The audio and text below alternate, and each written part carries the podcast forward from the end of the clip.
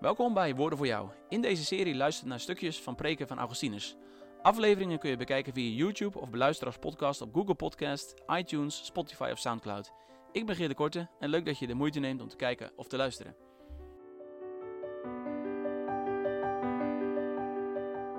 Hartelijk welkom bij deze nieuwe aflevering van Woorden voor Jou. Vorige keer hebben we stilgestaan bij een stuk van preek van Augustinus en vandaag wil ik daar verder mee eh, gaan. De preek ging vorige keer over uh, Susanna. Het is een verhaal wat voorkomt in Daniel 13. Daniel 13 is een toevoeging aan het boek Daniel. In de protestantse traditie valt het onder de apocryfen.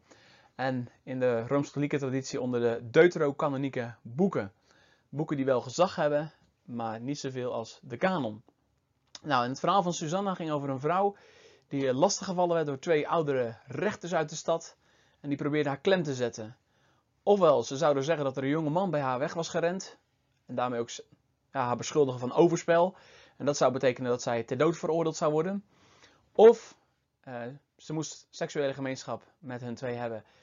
Nou, je kunt je voorstellen dat dat een enorm probleem was voor haar. Uiteindelijk is het Daniel die deze mannen ontmaskert. En uh, ja, Augustinus die gaat daar wat verder in op haar kuisheid in deze preek. Ik ga het eerste stuk uh, lezen. En die kuisheid, broeders en zusters, ik zei het al, zou toch wel gered en bekroond zijn. Zelfs als het lichaam bij dat proces had moeten sterven. Dus het proces wat tot haar dood zou moeten leiden. We moeten hoe dan ook een keer dood, want sterven moeten we allemaal. En wie eraan wil ontsnappen probeert niet de dood uit te bannen, maar uit te stellen. Schuld houdt ons allemaal gevangen. We moeten allemaal betalen wat we van Adam geërfd hebben. En omdat we niet willen sterven, vragen we onze schuldeiser om uitstel. Afstel zit er niet in. Susanna, een vrome vrouw en een kuisse echtgenote, zou zo, dus sowieso een keer moeten sterven. En als die ene keer toen was geweest, wat voor schade zou dat hebben toegebracht aan haar kuisheid? Het lichaam zou worden begraven. De kuisheid zou worden teruggegeven aan God en bekroond worden door God. Ja, Augustinus kijkt eigenlijk door dit verhaal heen verder. Deze vrouw had haar kuisheid op kunnen geven en dan had ze haar leven gered. Maar Augustinus zegt hiermee eigenlijk: het gaat niet om dit leven. Het gaat om het toekomende leven. Het leven na dit leven. Want sterven moeten we allemaal. En wat daarna gebeurt, dat is veel belangrijker. Als we voor God staan en rekenschap af moeten leggen van wat we gedaan hebben. En dan zou haar kuisheid uh, ja, beloond worden en bekroond worden door God. We lezen verder op de volgende dia. Trouwens, broeders en zusters, denken jullie dat het van belang is als valse getuigen het verliezen van een onschuldige? Het is niet van belang als een valse getuigenis het verliest van een onschuldige. Het zou van immens belang zijn geweest als zo'n getuigenis had verloren van de Heer. Onze Heer Jezus Christus is juist gekruisigd door de tong van valse getuigen. Maar zelfs toen die valse getuigen tijdelijk zegevierden, wat voor schade hebben ze eigenlijk berokkend aan hem die zou verrijzen? God de Heer heeft dus een voorbeeld gesteld. In zijn lichaam, in zijn zwakheid, ja in de gedaante van een slaaf. Die gedaante had hij aangenomen om slaven te bevrijden, vluchtelingen op te sporen, gevangenen vrij te kopen, boeien los te maken en van slaven broeders te maken. Daarom kwam hij in de gedaante van een slaaf en toonde de slaven een voorbeeld. Ze moesten niet huiveren voor valse getuigen en niet bang zijn als die werden geloofd.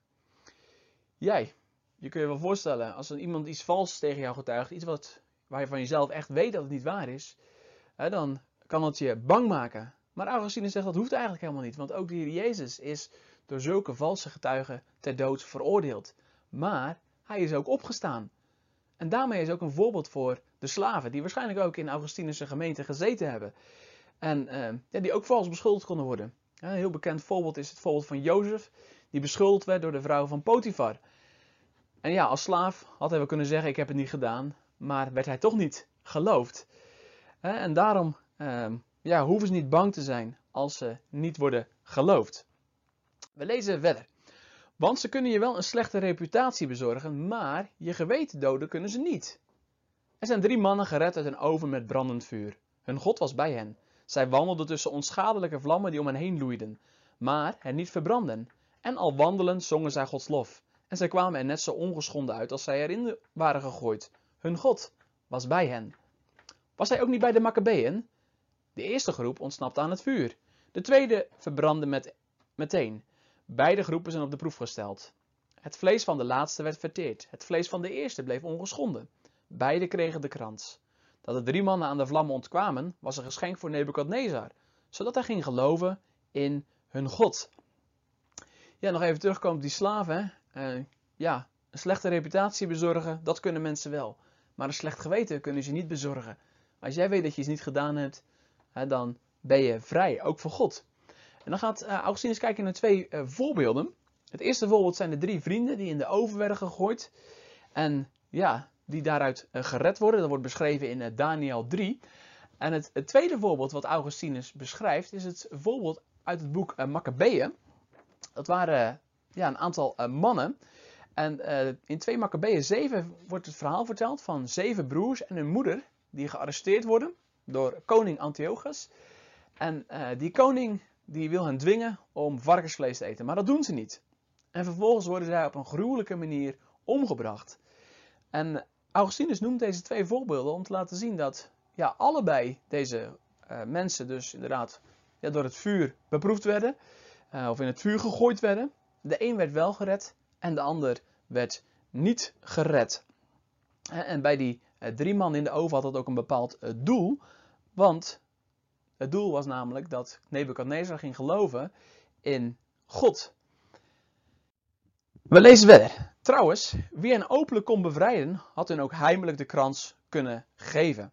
Maar als hij hen heimelijk had bekranst, had hij de koning niet bevrijd, die zo woest tekeer ging. Dus het gaat over koning Nebukadnezar. De redding van hun lichaam betekende de redding van zijn ziel, de ziel van Nebukadnezar. Zij ontkwamen door God te prijzen en wel aan tijdelijke vlammen. Hij ontkwam door in God te geloven en wel aan het eeuwige vuur. Aan hem is meer gegeven dan aan hen.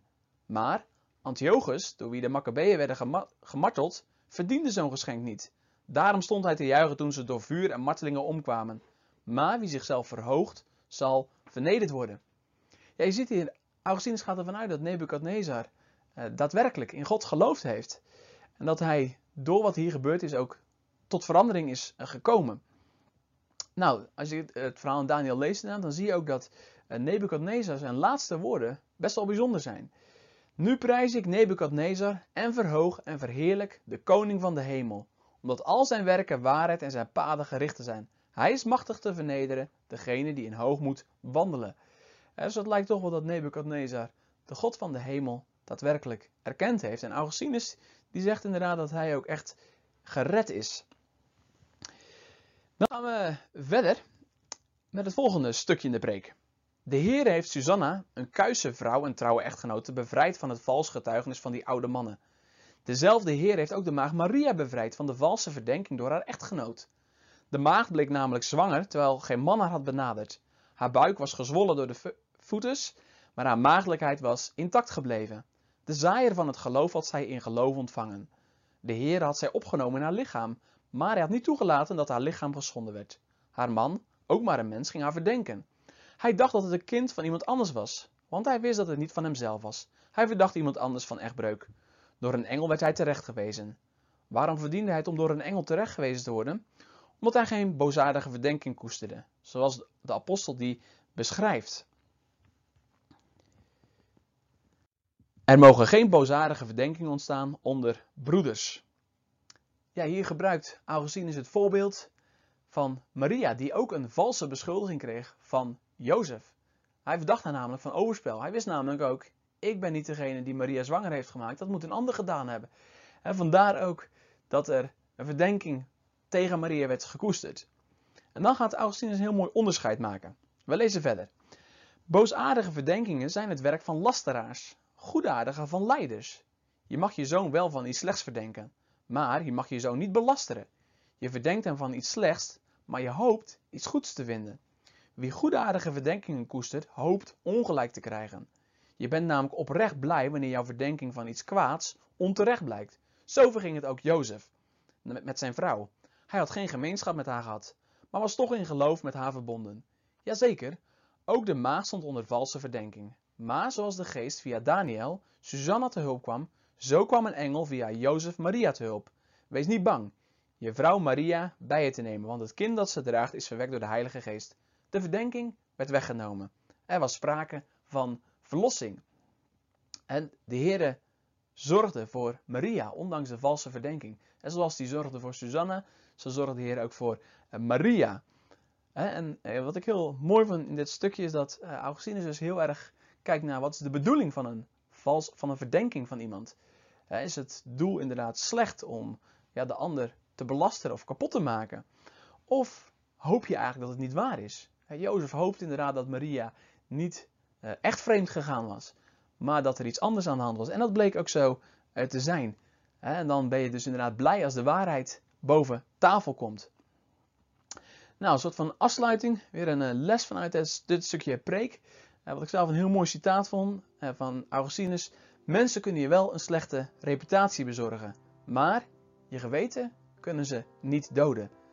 God zorgt voor je, hoe er ook met je omgegaan wordt.